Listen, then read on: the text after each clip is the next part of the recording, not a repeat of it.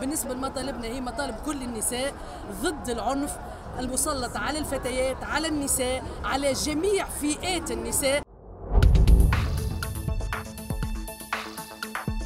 بالنسبة للعديد من النساء والفتيات إن أكثر مكانا يلوح فيه خطر العنف هو المكان الذي يفترض به أن يكون واحة الأمان لهن. للأسف إنه المنزل. ولذا فإنني اليوم أوجه نداء جديدا من أجل السلام في المنازل في جميع أنحاء العالم. هذا مقطع مما قاله الأمين العام للأمم المتحدة أنطونيو غوتيريش في الخامس من إبريل نيسان 2020 وجه غوتيريش في ذلك اليوم نداء عالميا لحماية النساء والفتيات في المنازل بعد أن علت أصوات كثيرة في الحديث عن تفاقم العنف المنزلي والأسري خلال فترة الحجر العالمية الناجمة عن فيروس كورونا كوفيد-19 ودعا غوتيريش القضاء في الدول إلى مواصلة مقاضاة المعتدين مشددا على ضرورة تهيئة سبل آمنة للنساء لطلب الدعم دون أن ينتبه المعتدون إلى ذلك. كما طالب جميع الحكومات العمل بجدية لمنع العنف ضد المرأة وأن يكون ذلك من أولويات الدول ضمن خططها الوطنية للتصدي لكورونا. دكتور عمر نهاد أكاديمي وباحث اجتماعي فسر لنا هذه الظاهرة المنتشرة في زمن الكورونا. ما نمر به اليوم بموضوع كورونا وموضوع استثنائي مما جعل آه، الأمين العام للأمم المتحدة يطلق تصريحات نارية في هذا ويحذر من طفرة عالمية مروعة في العنف المنزلي بسبب كورونا. موضوع كورونا هو كان يعني آه، سبب كبير جدا مما تفاقم موضوع المشكلات الأسرية. وكما تعلمون أنه الإنسان مع مع الإنسان ليس هناك توافق تام حتى بين الشريكين. النصفية الثاني وتوأم الروح لا يمكن هناك توافق تام. لابد من وقوع مشكلات ونزاعات. أمر طبيعي هذا. خلف الأبواب التي أغلقت في وجه الأصدقاء والأحباب والأهل والخروجات ومن ثم جلسنا في البيت للعمل من المنزل للحد من تفشي جائحة فيروس كورونا. كل ذلك حدث رغما عنا جميعا لكن لم تتوقع المرأة العربية ولا حتى العالمية أنها ستواجه ارتفاعا في العنف الموجه ضدها. فعلى ما يبدو فيروس العنف ضد المرأة يعادل إلى حد ما بأثره ما يتركه فيروس كورونا على صحتنا وهناك محاولات جدية وكثيرة من جهات عالمية مختلفة ومن مؤسسات للبحث في تكريس جهودها لإحصاء هذه الحالات ومحاولة التعامل معها خلال فترة الحجر المنزلي. بهالخصوص رح نسمع السيدة نجوى حيدر مرشدة اجتماعية تعمل مع مؤسسة رعاية الطفل والشباب في ألمانيا برلين وهذا ما يجعلها على تواصل دائم مع العائلات العربية اللاجئة والمهاجرة. جزء كبير من عملها اليوم يستقر على متابعة حالات العنف الأسري ضد المرأة الأم أو الأخت أو حتى الابنة. كتير كان متوقع براء خلال فترة الحجر الصحي تزايد حالات العنف المنزلي. طبعا هي الحالات اللي أعلن عنها يعني اللي الناس بتعرفها. يعني تقريبا ببرلين زادت بنسبة 11% خلال شهر آذار فقط. فكان كتير شي ضروري خلال هالفترة هاي فترة الحجر الصحي إنه نحن نتواصل مع العائلات اللي بنشتغل معهم آه، سواء آه، عبر التليفون أو آه، أو عن طريق برامج تواصل الفيديو. فهذا الشي كان يشعرهم بالأمان إنه إنه هن مو لحالهم يعني إنه نحن جنبهم بأي شي بيحتاجوه وبحسب باحثين اجتماعيين أكدوا على أن العنف قد يكون سببا لظهور اضطرابات نفسية حقيقية لدى المرأة تحديدا مع الوضع الحالي. والقلق الصحي الذي يعاني منه أفراد الأسرة عامة والنساء خاصة. وهنا أود أن أتحدث عن القاصرات بشكل خاص جدا. وللأسف مو كل العائلات فينا نوصل لهم. في عائلات ما حدا بيعرف شو عم يصير داخل البيت بفترة الحجر. في عائلات فعلا عم تعاني كتير وما حدا قادر يوصل لها ولا حدا عم يسمع فيها بالأساس. بس الوقت في حالات عم تكون قادرة تحكي عن معاناتها. على سبيل المثال حالة جديدة لطفلة عمرها 15 سنة. قدرت إنه تطلع وتوصل عن طريق بطريقة ما وصلت لمؤسسة حماية الطفل والشباب وتم سحب الطفلة من البيت وحاليا الأهل عم يحاولوا كتير إنه ترجع البنت بس للأسف البنت كتير كانت عم تعاني من عنف عانت من زمان طبعا ولسه بالحجر زادت من قبل أخوها وأبوها. فهلا كتير عم يحاولوا إنه ترجع. بس مانا هي بوضع أبدا بيسمح إنه حتى إنها تشوفهم يعني. هي عانت على طول الوقت من عنف جسدي ونفسي. زمن الكورونا جرد البعض من امتيازاتهم الطبيعية. فلا خروج ولا عمل ولا ترفيه ولا صحبة ولا سفر كالمعتاد. وهنا يبدو أن الرجال وتبعا لذلك تهمشت بعض الأدوار التي تشعرهم بقيمتهم في الحياة. فكان رأي خبراء الصحة النفسية أن حالات العنف المنزلي زادت خلال فترة الحجر. أغلبية حالات العنف العنف المنزلي اللي كانت توصل هي تجي عن طريق المدارس أو عن طريق الأماكن الترفيهية للمرأة أو الأطفال. فللأسف حاليا كل هاي الفعاليات مسكرة فما في مجال نسمع بهاي الأشياء غير عن طريق إنه الأهل نفسهم أحد أحد الوالدين. أو الأطفال نفسهم أو عن طريق الجيران يعني ممكن أحد الجيران يسمع إنه في شي مو طبيعي صار بهذا البيت ويخبر عنه.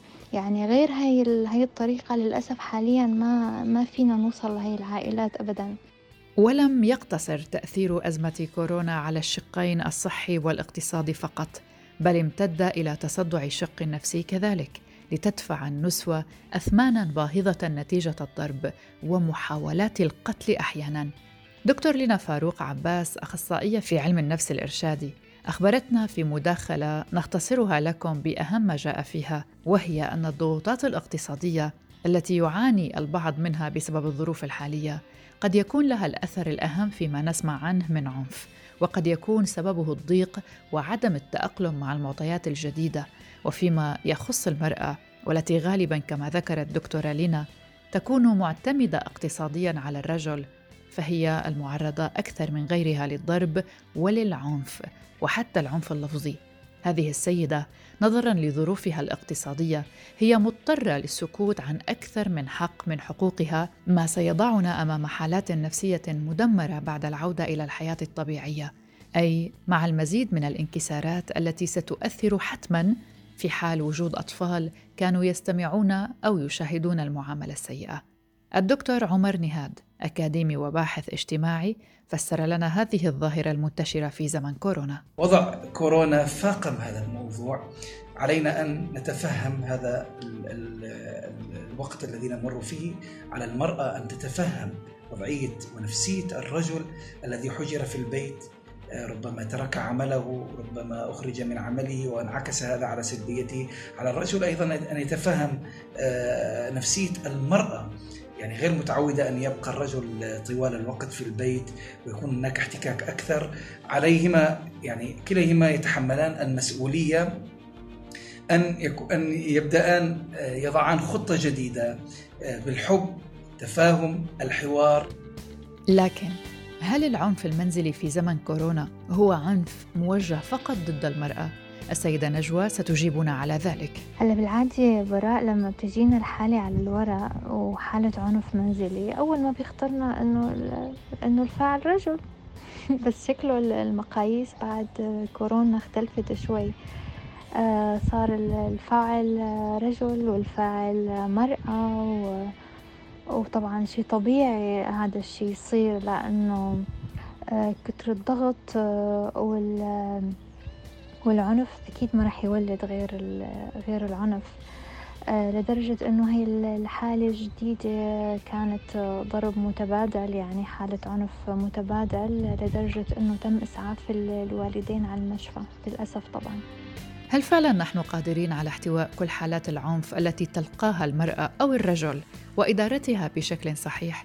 هل يكفي وجود مؤسسات وناشطين ومعنيين بهذه الحالات لمنع حصولها؟ في حالات عم تتعرض لعنف ومن نحاول نساعدها بس للأسف هي بترفض هالمساعدة. فعلى سبيل المثال براء في في حالة لأم عم تتعرض بشكل دائم لعنف من قبل زوجها أمام طفلها اللي عمره ثلاث سنوات. وصلنا لها طبعا بس هالأم رفضت المساعدة لأنه شافت أنه ما عندها القدرة أبدا على تحمل لوم المجتمع والناس في حال في حال انفصلت أو حاولت تعمل أي إجراء ضده. وأمل الوحيد هو إنه أهلها اللي بالعراق يتواصلوا مع زوجها ويقنعوا إنه يتغير.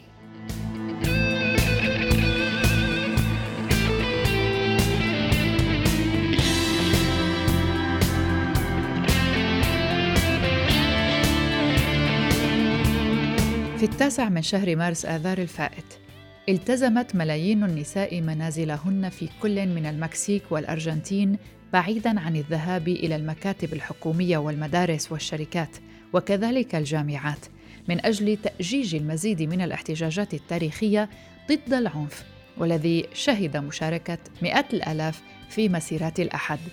كان هذا الإضراب عن العمل لمدة يوم واحد والذي تم تحت شعار يوم بدوننا كان هدفه هو إظهار شكل الحياة العامة إذا اختفت مشاركة النساء من المجتمع الإحصائيات الحكومية الأخيرة أشارت إلى أن معدل جرائم قتل النساء ارتفع بنسبة 137% على مدى السنوات الخمس الماضية. هذه الحملة تحولت إلى حملة عالمية وشاركت فيها نساء حول العالم بتغيير صورهن الشخصية عبر حساباتهن على فيسبوك وتويتر إلى اللون الأسود والإشارة إلى شكل الحياة من دون النساء والمطالبة بكف الظلم عن النساء الغير قادرات على حماية أنفسهن.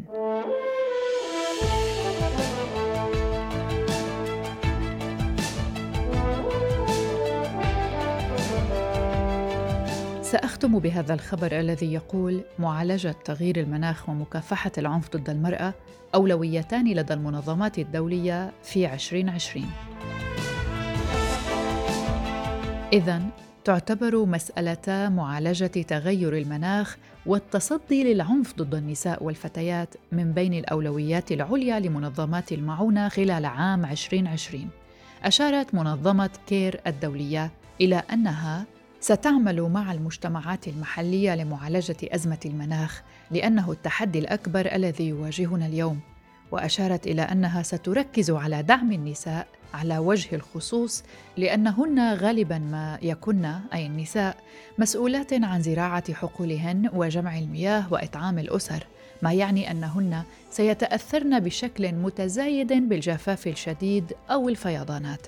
وأكدت المنظمة أنها ستدافع عن الدور الحاسم الذي تلعبه المرأة كمستجيب في حالات الطوارئ الإنسانية إلى ذلك رأت لجنة الإنقاذ الدولية أن النساء غالبا ما يتم تركهن في سياق الأزمات وفي العام 2020 يجب على المجتمع الدولي مضاعفة جهوده لمنع العنف ضد النساء والفتيات والتصدي له. قريبا سيغادر هذا الضيف الثقيل فيروس كورونا ويحل الهدوء وربما سيعود العالم إلى سابق عهده. وعليه فإن تماسك الأسر في ظل تفشي فيروس كورونا هو الطريق الأمثل لعبور هذه الجائحة بكل أمان. كنتم تستمعون إلى حلقة جديدة من بودكاست في عشرين دقيقة.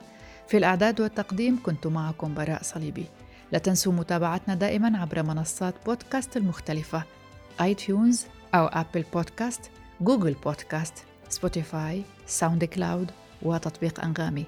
ويمكنكم متابعة كل أخبارنا عبر موقعنا الرسمي الآن dot FM. إلى اللقاء.